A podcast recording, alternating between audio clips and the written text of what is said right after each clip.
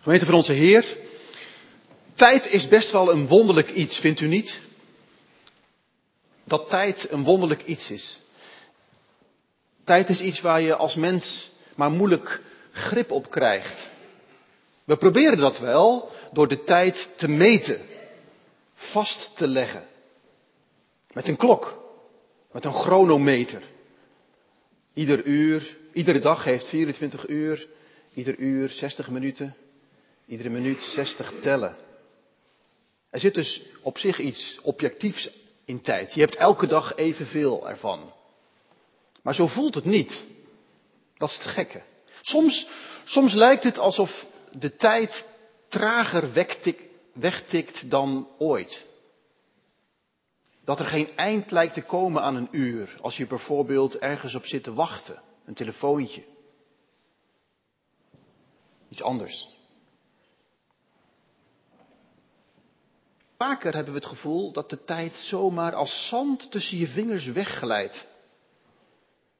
Terugkijkend op periodes uit ons leven zeggen we, het is voorbij gevlogen.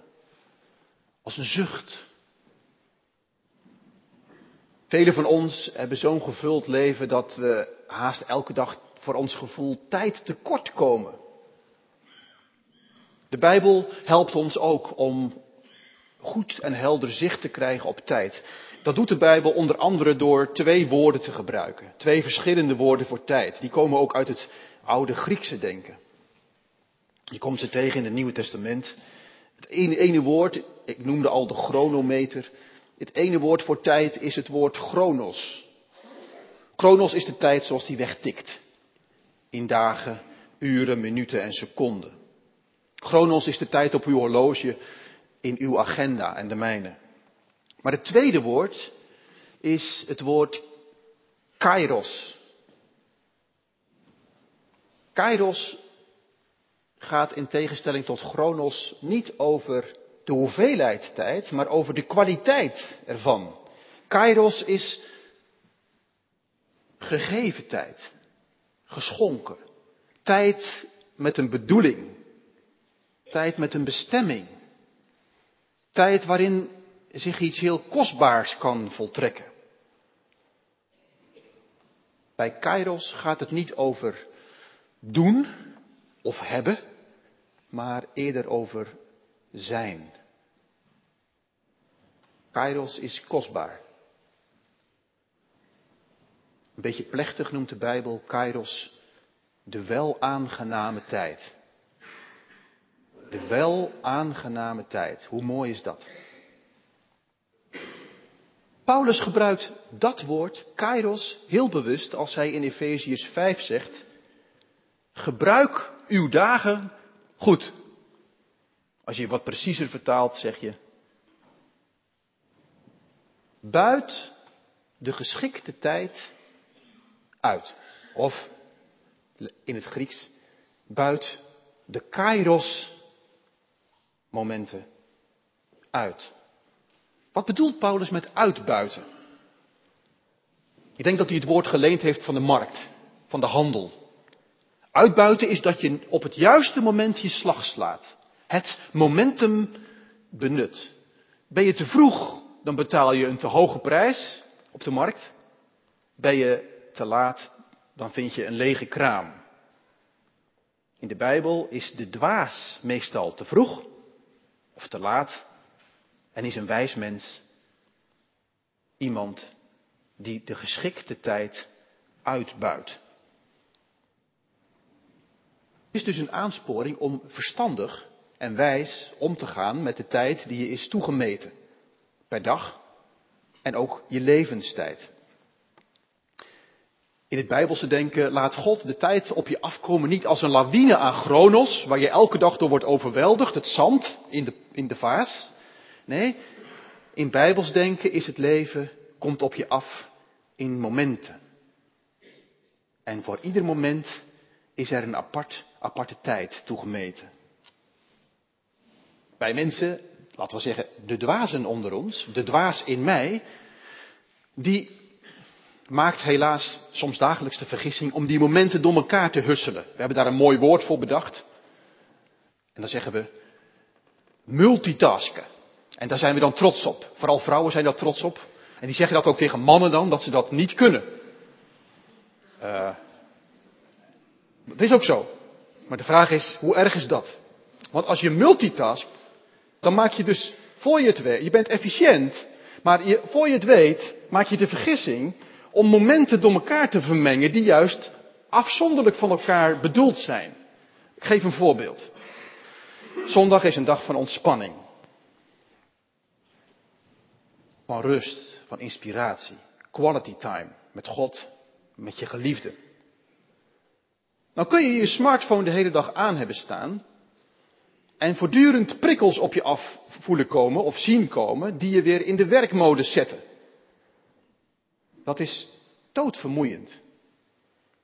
En niet verstandig, want dan ben je morgen lang zo fris niet als je dan weer eh, naar college gaat of naar je werk gaat. Het is dus beter om niet te veel te multitasken. En als je een maaltijd bereidt, niet, niet met een telefoontje per se, maar gewoon alle aandacht te geven. Ik moet dat ook doen, want anders wordt mijn maaltijd echt prut. Maar ook al zou je het kunnen, stel je voor je bent vrouw en je kan multitasken.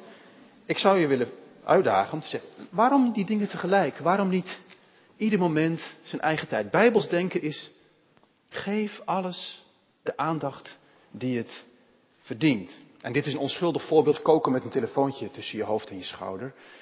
Maar u voelt aan dat wij op alle mogelijke manieren voortdurend bezig zijn, denk ik. Misschien bent u, behoort tot de categorie wijze, dan feliciteer ik u. Dan ben je gezegend mens.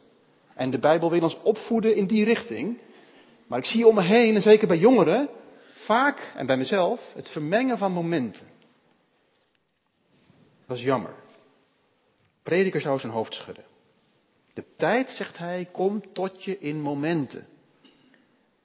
Benut ieder moment naar de aandacht die het verdient. Multitasken zou, is soms handig, toegegeven. Het zou niet je levenshouding moeten zijn, per se. Je hoeft niet multitasken door het leven te gaan, zegt de Bijbel. Er is voor alles een tijd onder de hemel. Zie de momenten, weeg ze en geef ze de aandacht die ze verdienen. Buiten de geschikte tijd uit, zegt de Bijbel. Betekent meer dan ik tot nu toe heb gezegd. Dat kun je zien aan de woorden die eraan vooraf gaan, die erop volgen. In vers 15 staat: Let goed op welke weg u bewandelt. Gedraag u niet als dwaze mensen, maar als verstandige mensen. En in vers 16 staat: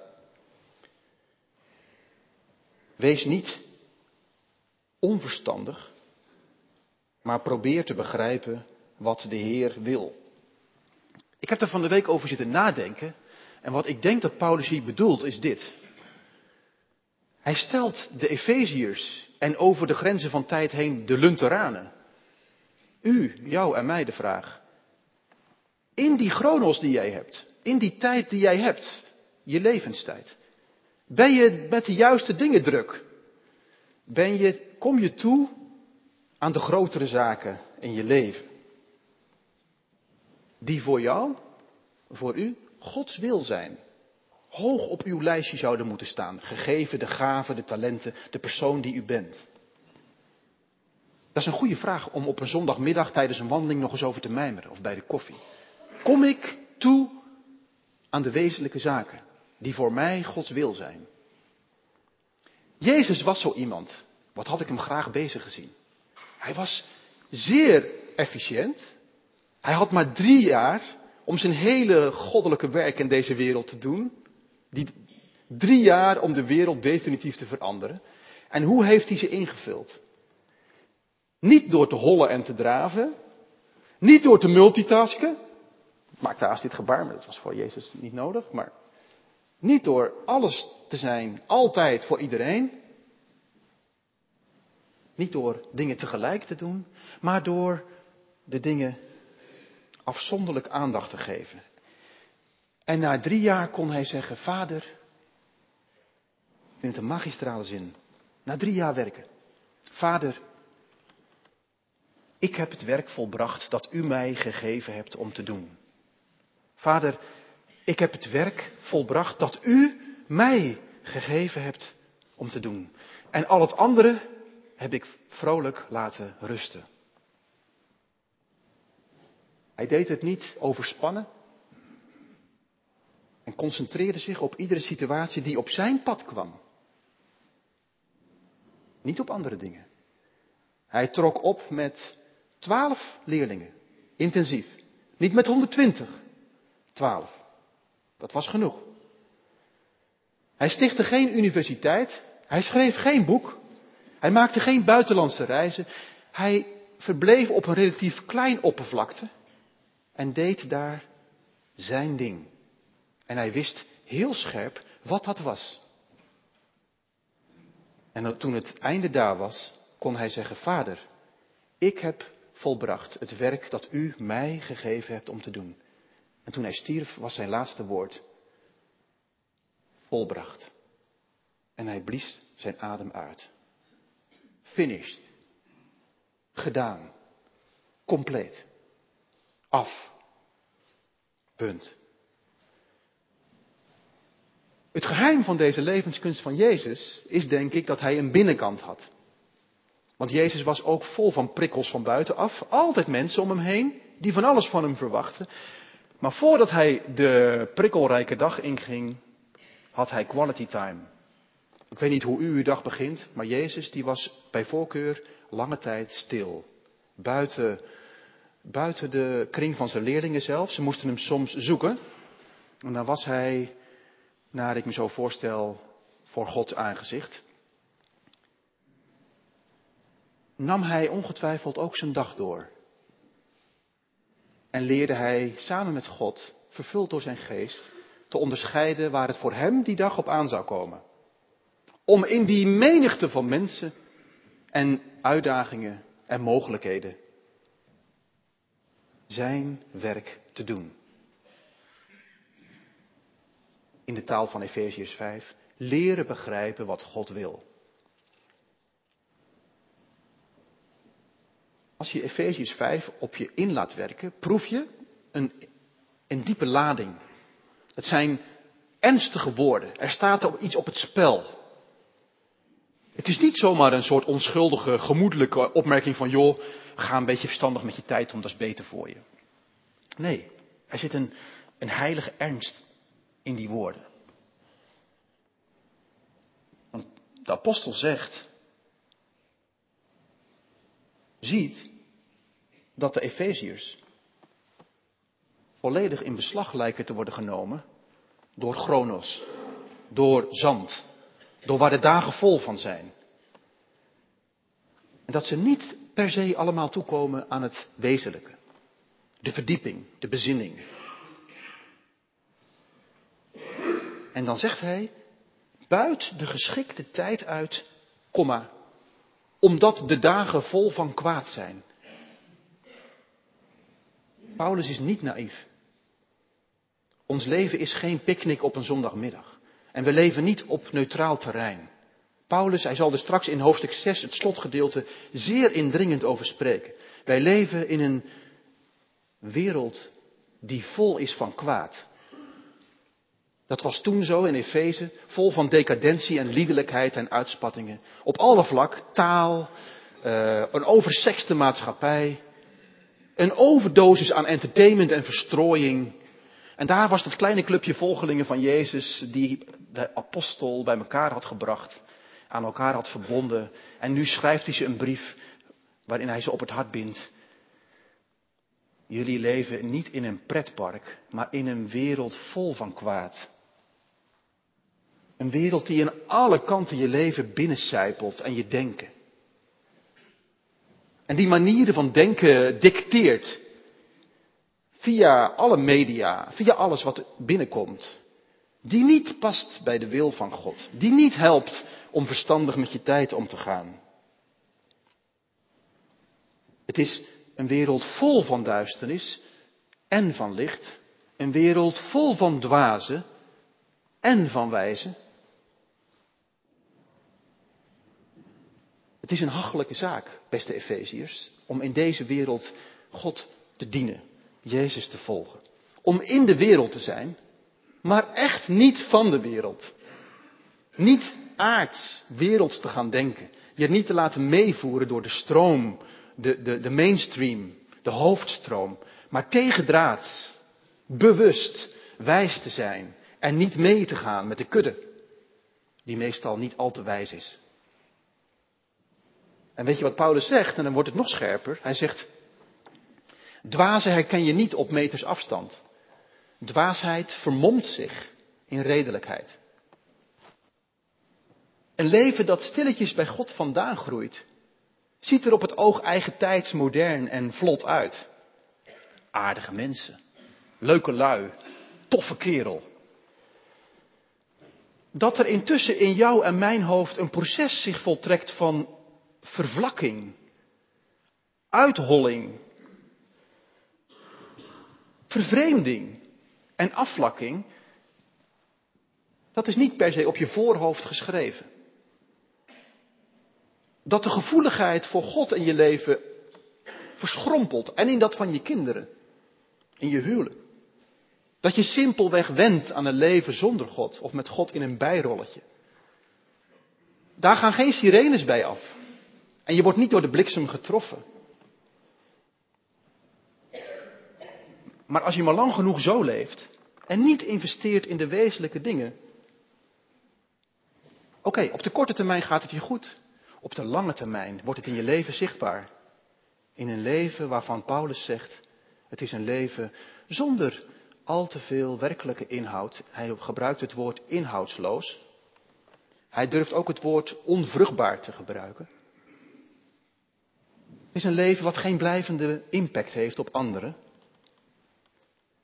En hij gebruikt het woord platvloers. Hol, zou ik zeggen. En hij gebruikt het woord minder wakker. Slaperig. Niet alert. In een soort van roes. Laten we elkaar vandaag niet voor de gek houden. Paulus ziet het voor zijn ogen gebeuren. Bij de Efeziërs van wie hij zoveel houdt. En hij zegt tegen ze: Laat dit niet gebeuren, lieve mensen. En als je het om je heen en bij jezelf ziet, ontmasker het. Dat is, dat is riskant werk. Om bij elkaar, in de scherpte die leiden kan, te benoemen wat niet past bij je leven naar Gods wil. Zonder wettisch of moralistisch te worden. In liefde, zei hij in een eerder hoofdstuk. Hebben wij die scherpte? Hebben wij die liefdevolle eerlijkheid om als wij in ons gezin of bij onze partner of in ons eigen denken, maar ook bij elkaar, dingen zien die passen in dat vervlakken, dat we dat ook gewoon zeggen. Hé, hey, helpt dit jou in de richting van Christus te groeien? Of zou je dit moeten veranderen? Hij maakt het nog scherper en hij zegt, waar vullen jullie in hemelsnaam je leven mee, Efeziërs? En over de grenzen van de eeuwen heen aan ons vandaag, in de 21ste eeuw. Waar vul jij in hemelsnaam je leven mee? Wat laat je toe? Is dat duisternis of licht? Is dat gemopper en gezanik of dank, aanbidding? Is dat dwaasheid of wijsheid? Vul je het liefst met wijn en leef je letterlijk of figuurlijk liefst in een soort van aangename roes, niet al te bewust, niet overal een punt van maken, moet ook wel leefbaar blijven en daar hebben we mooie zinnen voor om vooral in die roes te blijven. Of laat je je vervullen, strek je je naar uit om, om steeds opnieuw vervuld te zijn met de Heilige Geest. Wie niet bewust kiest, toen en nu, wordt vermalen door Chronos. Chronos werd in de oudheid afgebeeld als een rat. Als een draaiend rat waar je als mens in gevangen zit. Zoals een hamstertje. Die, die loopt in zo'n rat en hij rent zich suf. En hij gaat erin ten onder als hij niet eruit springt. Chronos is wreed. De Griekse god Chronos frat zijn eigen zonen op. Chronos is genadeloos. Chronos tikt onverbiddelijk door. En voor je het weet is het als zand weg. En heb je in een illusie, voor een illusie geleefd. Ik spreek sommigen van u wel eens over uw werkplek. En En soms hoor ik dan ook, ja, het, het, is ook, het is ook challenging, zeggen we dan. Altijd weer een nieuw brandje te blussen. In de zorg, in het bedrijfsleven, in het onderwijs, waar dan ook. Altijd weer brandjes blussen. Altijd weer deadlines. Altijd weer verwachtingen waar je aan moet voldoen. Dat is de dwang van Chronos. En we kunnen, we kunnen ons leven niet per se op dat punt versimpelen. Maar is er meer dan Chronos in je leven? Is er meer dan deadlines en brandjes blussen? Paulus zegt, beste vrienden, buit de geschikte tijd uit, omdat de dagen vol van kwaad zijn. Wees daarom niet onverstandig, maar begrijp wat de wil van de Heer is. We hebben de Efeziësbrief nu voor driekwart gelezen. En wij weten dat in de Efeziësbrief begrijpen wat de wil van de Heer is. Alles heeft te maken met Gods plan met de mens in Christus. Begrijpen wat de wil van de Heer is, is je consequent, radicaal, voortdurend concentreren op Christus. In alles wat je meemaakt, Hem voor ogen houden. Dat is hoe Paulus het hoofdstuk begon. Ga de weg van de liefde zoals Christus ons heeft liefgehad en zich voor ons heeft overgegeven als een offer, als een geurige gave van God. Mooi is dat. Dat het wandelen in deze hoofdstukken 4 en 5 blijft verbonden met het zitten, het rusten in Christus.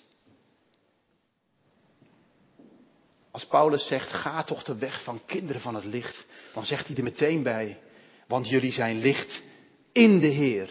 Altijd weer dat in Hem, op Hem ziend, aan Hem verbonden. En dan is er ineens die hartekreet. Out of the blue. Ontwaak jij die slaap. Sta op uit de dood. En Christus zal ook over jou lichten. En het zijn woorden aan gelovige mensen. Het is dus blijkbaar mogelijk om keurig gelovig te zijn.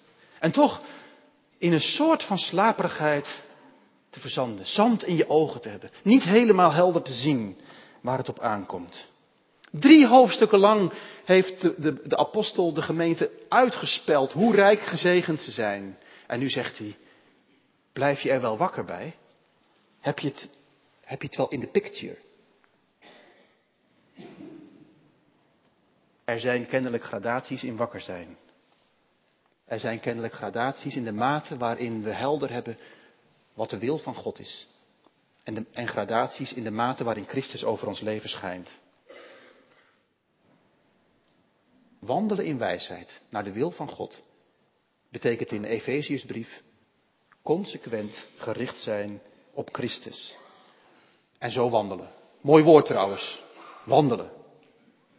Ja, want wie zich echt, wie het grote praatje voor ogen houdt en ziet wat ons in Christus is geschonken, die hoeft niet te hollen, die hoeft niet te draven, die hoeft zich niet te overvragen. Die mag de momenten bij moment, mag het leven in momenten op zich af laten komen, omdat het wezenlijke, het eigenlijke, al lang is gebeurd. In Christus, uit genade ons wordt geschonken. In vier woorden is Paulus betoog dit. Minder chronos, meer kairos in je leven. En vanuit die rustige, vrolijke wetenschap mag ik me aan Hem toewijden. Me aan Hem geven. Zoals Hij zich helemaal gaf. Voor mij. Volgende week vieren we samen de maaltijd van de Heer. Dat is een van die oefenplekken om je te oefenen in de concentratie op Christus.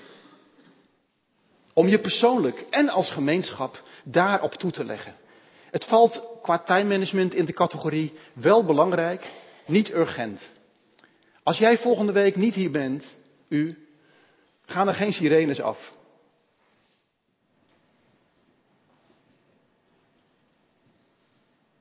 Maar als je dat langere tijd volhoudt, als God langs uw levensweg van tijd tot tijd een tafel neerzet en je quality time aanbiedt, om je op Hem te concentreren, het opnieuw te concentreren en je zo op die wezenlijke categorie te richten. En je gaat daar steeds met bochtjes omheen.